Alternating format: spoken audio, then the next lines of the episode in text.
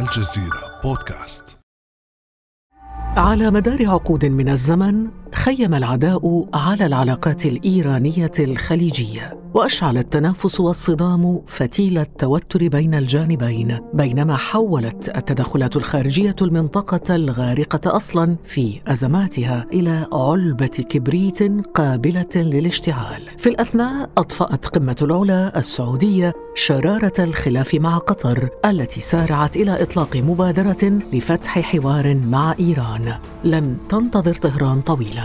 ودعت إلى حوار إقليمي مع دول الخليج. في المقابل اعتبرت المملكة العربية السعودية على لسان وزير خارجيتها الأمير فيصل بن فرحان دعوات إيران للحوار غير مجدية. المملكة العربية السعودية دائما ممدودة للسلام. وقد حاورنا في الماضي مع الإيرانيين ووصلنا اتفاقات ولم يلتزموا بها. في تقديري في الوقت الحالي أن هذه الدعوات للحوار هي مجرد محاولة للخروج عن الاستحقاقات أمام المجتمع الدولي محاولة للتفرقة والتسويف. ليس جادة وليس تهدف بالحقيقة إلى الوصول إلى نتيجة نستطيع البناء عليها. لذلك لا نعتقد أنها مجدية في الوقت الحالي. فكيف يمكن اذا كسر حاجز عدم الثقة بين طهران ودول الخليج؟ وما هي فرص التقارب الإيراني الخليجي؟ وما هي مآلاته؟ وهل تمهد سياسة إدارة بايدن لحلحلة الخلافات؟ أم أنها بالعكس ستزيد من حدتها؟ بعد أمس من الجزيرة بودكاست أنا خديجة بن جنة.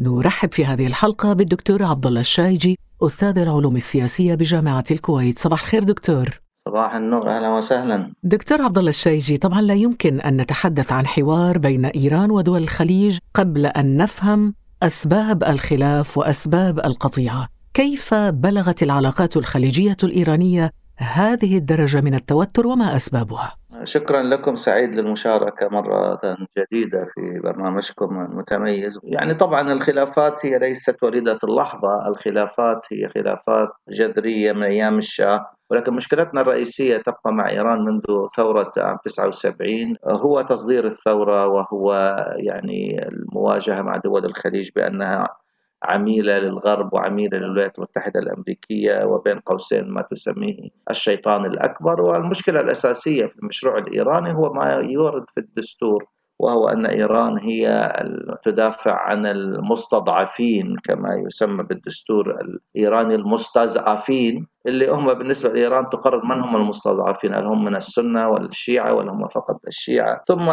يعطي المرشد الأعلى للثورة نفسه لقب غير موجود في العالم كله وهو يعني المسؤول عن المسلمين في العالم. فالخلاف هو خلاف عقائدي خلاف مذهبي ورأينا إيران كيف تستخدم أذرعها وهذا الذي يثير الكثير من الشكوك حول إيران وتستخدم بعض الموالين لها من الشيعة العرب كما نرى في العراق أنشأت الحشد الشعبي بتمويل ودعم وأيديولوجي وعسكري ومالي كما نرى في لبنان حزب الله الاستثمار الأكبر النظام الأسد في سوريا الحوثيون في اليمن وعندها الخلايا الإرهابية التي دربتهم وأهلتهم وسلحتهم وأدلجتهم. في الكويت عندنا اكتشفنا أكبر خلية إرهابية في تاريخ الكويت في 2015 وتم محاكمتها. بالإضافة إلى ذلك تزويد إيران لهؤلاء بأسلحة متطورة بصواريخ زلزال وسجيل وغيرها البعيدة المدى التي تضرب فيها السعودية وصلت إلى الرياض وإلى مكة. ما قامت به إيران من ضربة غير مسبوقة لمنشآت نفطية في سبتمبر 2019 في بقيق وخريس عطلت 5% من إنتاج العالم من النفط ونصف الإنتاج السعودي. وهذا كان تهديد ليس فقط للسعودية ولكن لجميع دول الخليج. اكتشفنا أننا منكشفين كليا وأننا جميع المنشآت النفطية والحيوية من الكويت إلى مسقط عرضة لأن تدمر وهذا لا يهدد أمن دول الخليج ولكن يهدد الأمن أمن الطاقة والأمن العالمي. وسبق ذلك طبعا استهداف ناقلات نفط في الفجيرة وفي خليج عمان وفي مضيق هرمز وتهديدات إيران مستمرة باغلاق مضيق هرمز، فهذا كله لا يولد أي نوع من الثقة. اذا ذكرت من الأسباب الرئيسية ما يتعلق بمحاولات تصدير الثورة الإيرانية منذ 1979 و أيضا توظيف إيران لأذرعها في المنطقة وربما نضيف إلى ذلك أيضا المشروع النووي الإيراني أليس كذلك؟ طبعا يعني المشروع النووي الإيراني هو جزء من مشروع إيران بأن تكون دولة متميزة لأن إيران عندها عقدة يعني حتى عندما صارت باكستان دولة نووية في 1998 سميت القنبلة السنية يعني باكستان. فايران عندها منذ ذلك الوقت عندها هدف بأن تكون هي كدولة تمثل الأقلية. هذه عقدة عند إيران كبيرة أن الشيعة في العالم الإسلامي لا يشكلون أكثر من 10% من مليار و800 مليون مسلم. فهي عندها بما أنها تريد أن تكون هي المدافع وهي تحمل لواء مناصرة المستضعفين والقضايا الإسلامية. فهذا يكون أفضل بقنبلة نووية برغم أن هناك تكرار دائم من قبل المرشد وأتباعه بأنه هناك فتوى من المرشد تحرم امتلاك السلاح النووي. ولكن هذا لا يتماشى مع السعي المحموم الإيراني لأن تمتلك بالفعل قدرات نووية والآن رفعت التخصيب. بعد أن فهمنا الأسباب التي أدت وما زالت تؤدي إلى توتر العلاقات الإيرانية الخليجية، ربما لابد أن نشير دكتور عبد الله إلى أننا لا نتحدث عن موقف خليجي موحد تجاه إيران لأنه هناك تفاوت في المواقف بين دول الخليج في العلاقة مع إيران، قطر وسلطنة عمان والكويت. يعني تبدو أكثر مرونة في العلاقة مع إيران من السعودية والبحرين مثلا. نقطة الضعف الخليجية بالإضافة إلى وجود مشروع إيراني طموح وتدخل في شؤوننا نقطة الضعف الخليجية هي من البداية لا يوجد حتى قبل الأزمة الخليجية التي عصفت بالمجلس وأضعفت قدراته لا يوجد موقف خليجي تجاه إيران أو تجاه كثير من القضايا. المهمة التي تهدد أمن الاستراتيجي والجماعي. لا لا في اليمن ولا في سوريا ولا في العراق ولا في مع إيران. فللأسف يعني حتى مع التطبيع لا يوجد موقف خليجي. في ليبيا وحتى في تونس لا يوجد أي موقف خليجي يمكن أن نسميه سياسة خارجية استراتيجية خليجية. بما أن الموضوع عن إيران فهناك دائما أنا أتكلم عن الشمال والجنوب الخليجي فنستطيع أن نقول عندنا ثلاث مواقف خليجية. الموقف الرئيسي هي من الصقور بقيادة السعودية ودائما السعودية أنا أسميها منذ عشر سنوات إلى اليوم هناك حرب باردة بين السعودية وبين إيران كأقوى قوتين إقليميتين في منطقة الخليج العربي. وطبعا يردف هذا الموقف موقف البحرين الموالي والتابع بشكل كبير للسياسات السعودية وهذا يشكلان العنصر الصقور في العلاقات الخليجية الإيرانية. طبعا الحمائم هم بالدرجة الأولى هم الدول اللي ذكرتهم الثلاثة الكويت وقطر والعمان اللي عندهم موقف يعني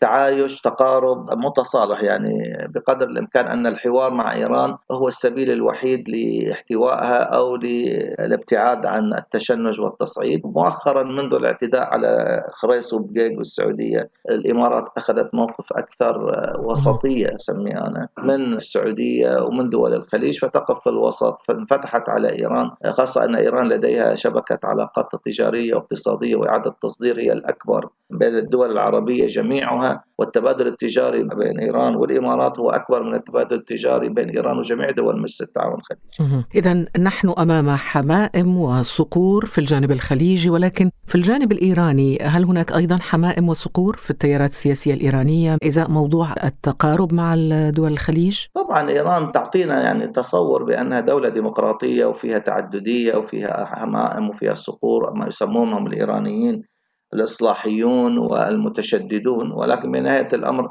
الشأن الخارجي والإعلامي والقضائي والنووي هو إيران تريد أن تعطي رسالة للعالم الخارجي بأن عندنا حريات وديمقراطية وغيره ولكن عندنا مجلس تشخيص مصلحة النظام والمجلس الدستوري هو يعني سنرى ذلك خلال الشهرين ثلاث قادمة عندما يبدأ الترشيح للرئاسة كيف سيقصون مئات المرشحين فهي ديمقراطية ديكورية بالدرجة الأولى. القرار الأول والأخير في هذه القضايا نعم. خاصة في الشأن الخارجي للمرشد. نعم. إذا القرار لمرشد الثورة الإيرانية كما ذكرت لكن هل برأيك دكتور عبد الله يبدو الوقت مناسبا الآن لإطلاق حوار إيراني خليجي؟ يعني هو دائما الوقت غير مناسب لأن في تصادم مشاريع. إيران لديها موقف موحد لديها مشروع لديها حلفاء. يعني نحن متفرقين وإيران عندها موقف موحد من أفغانستان إلى المتوسط ومن سوريا إلى اليمن.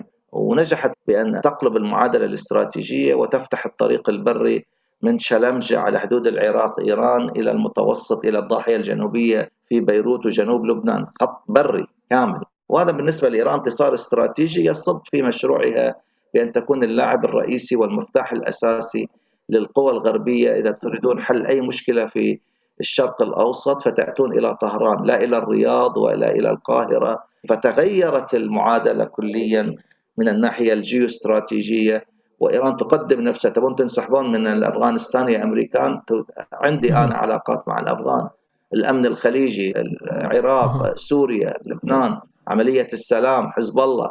استثمار بدول وفاعلون من غير الدول يكسب إيران المزيد من الثقل والقوة وتتحكم بكثير من المفاصل ومن القضايا. نعم السؤال دكتور عبد الله عن التوقيت إن كان مناسبا الآن بإطلاق حوار خليجي إيراني مرتبط بالمتغيرات الحاصلة الآن من تغير الإدارة الأمريكية وفقدان السعودية لسند سياسي مهم وهو الرئيس دونالد ترامب.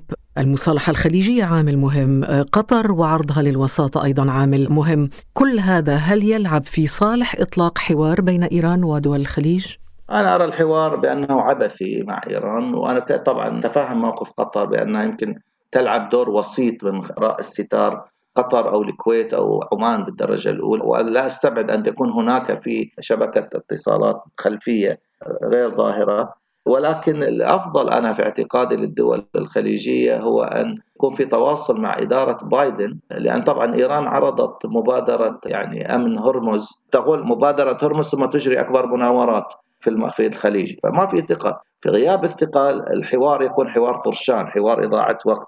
الأفضل في اعتقادي من الناحية الاستراتيجية بما أن إدارة بايدن هي إدارة أوباما ثلاثة أقرب إلى أي شيء آخر بإعادته لجميع الرموز والشخصيات القيادية في إدارة أوباما الذين لعبوا دور رئيسي في الاتفاق النووي على رأسهم بلينكن وويليام بيرنز وويندي شيرمان وحتى لويد أوستن وزير الدفاع. كلهم كان لهم دور أساسي في التوصل لاتفاق نووي خمسة زائد واحد.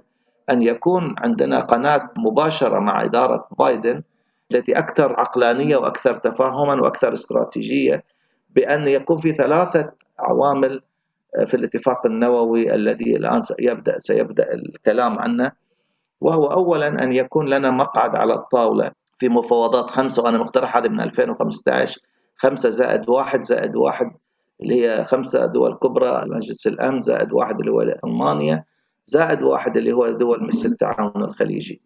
اثنين أن يتضمن الاتفاق النووي تحديد أكثر إطالة المدد الزمنية للبرنامج الإيراني النووي ابتعاد عن التقسيم العودة إلى 3.67 367 اليورانيوم أن يتضمن أيضا وقف تطوير البرنامج الصاروخي وأن يشمل أذرعها وتدخلاتها التي تهدد الأمن والاستقرار وحلفاء أمريكا ولا تعزز الثقة. نعم ولكن هذا لا يمنع ربما دكتور عبد الله هذا لا يمنع من فتح باب للحوار، هناك باب فتحت من طرف قطر وقالت إنها قادرة على لعب دور الوسيط بين دول الخليج وإيران، ما مدى واقعية هذا الطرح؟ أنا يعني تكلمت مع المسؤولين القطريين في لقاءات في مؤتمرات في ندوات في جلسات يعني أنا من الموقف لا أرى ذلك مجديا لأن أنا في النهاية دائما عندما يعني نتكلم عن أي مبادرات لازم تكون واقعية وليس نتحاور فقط للمحاورة. يعني الإيرانيين الذين يحيكون السجادة يقعدون أربع خمس سنوات في حياكة سجادة واحدة. عندهم صبر غير طبيعي يعني لا نملكه نحن. آه، لأن نحن ما عندنا مشروع ما عندنا موقف خليجي موحد ما عندنا حتى ثقة بين الدول الخليجية الان عادت نوعا ما ولكن لا تزال القضايا دفينة. يعني المصالحة أنا في اعتقادي مصالحة شكلية أكثر منها استراتيجية وهذا ما تعول عليه إيران أن قطر تغرد بمفردها هي الوحيدة المتحمسة للحوار مع إيران وهذا يعجب الإيرانيين. خلنا نتحاور ونجلس إلى يوم القيامة نتحاور.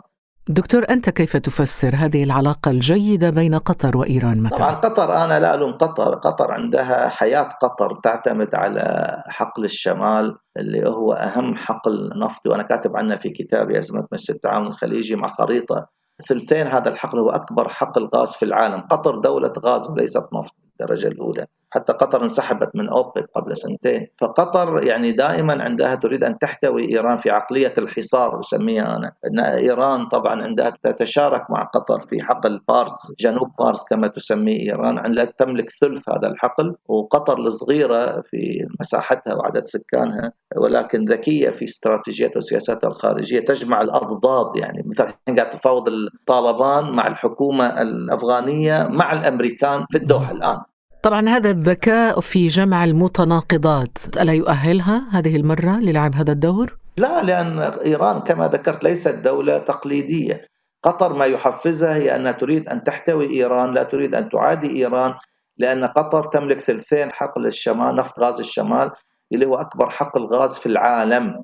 فلا تملك قطر أي خيارات إلا أن تتقارب وإلا أن تكون دولة يعني على علاقة مقبولة ودية مع إيران. لا أستغرب إصرار قطر أو مطالبة قطر منذ عشر سنوات ليس الآن بفتح حوار خليجي مع إيران لأن ترى قطر بأن المزيد من الحوار والتقارب الخليجي الإيراني الذي لا يسنده لا تسنده سلوك إيران ومشروعها وتدخلاتها هو أفضل من الحرب الباردة ما أسميه أنا ننتقل إلى سلام بارد أفضل من الحرب الباردة التي تضع قطر في مواجهة صعبة مع أصعب جار إيران جارة صعبة قوية عندها مشروع. لما تجلس تتحاور أنت مع طرف لازم يكون في ندية. لا توجد ندية. فأنت تأتيني تتفاوض معي وأنت ضعيف وأنا قوي. دكتور ميزان القوة والضعف هنا أنت ضعيف أو أنت قوي كدولة تدخل في هذا الميزان متغيرات كثيرة. أهمها ربما الآن تغير الإدارة الأمريكية وموقفها من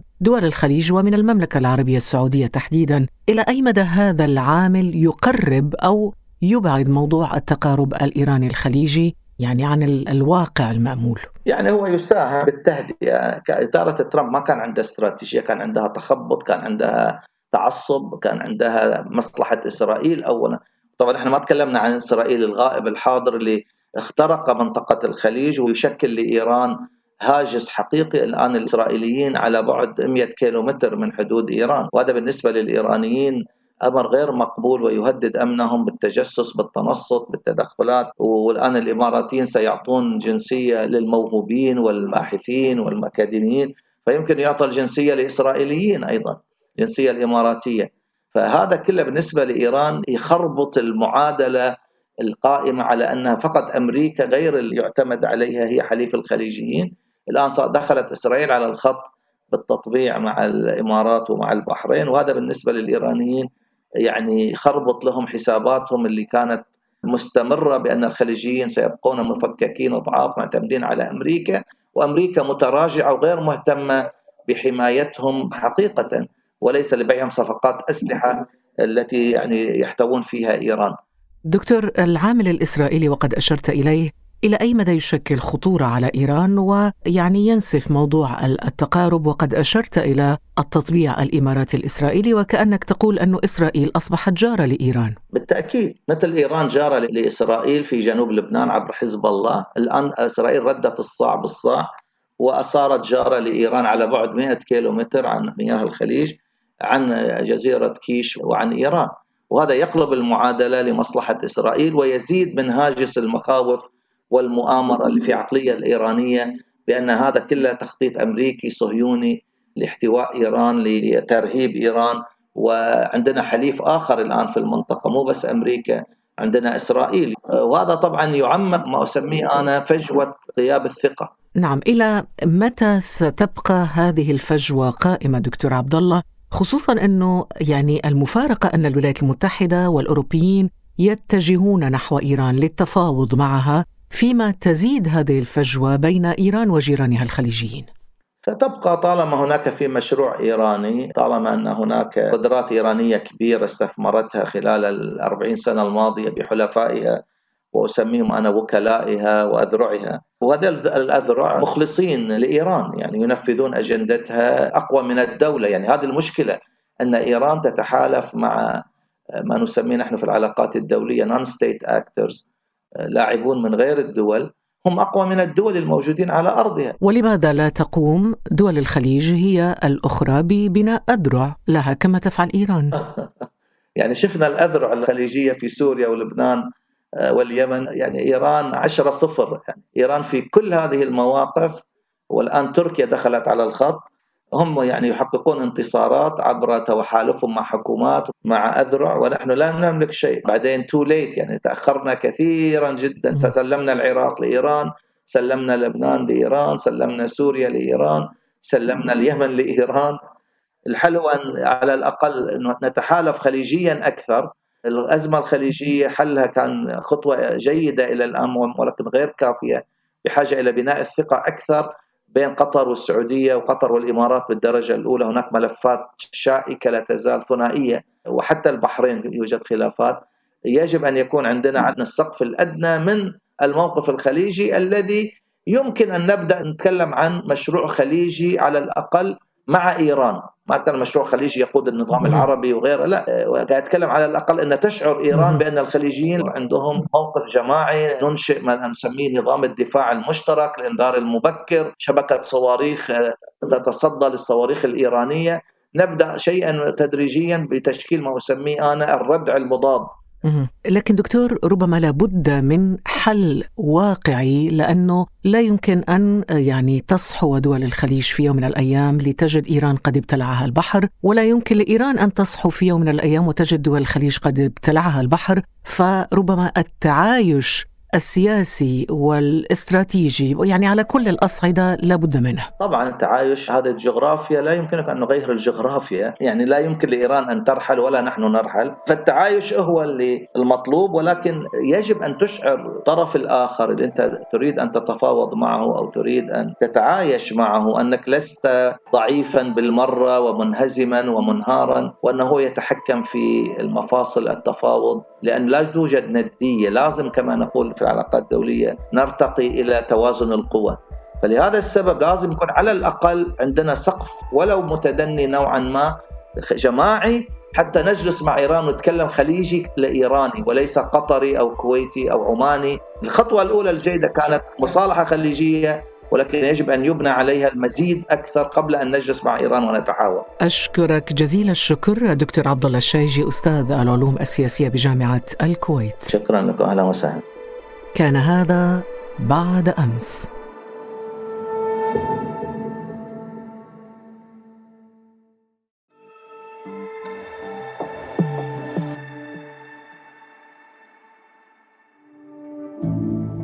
ابقى على تواصل مستمر مع الجزيرة بودكاست ولا تنسى تفعيل زر الاشتراك الموجود في تطبيقك لتصلك الحلقات يومياً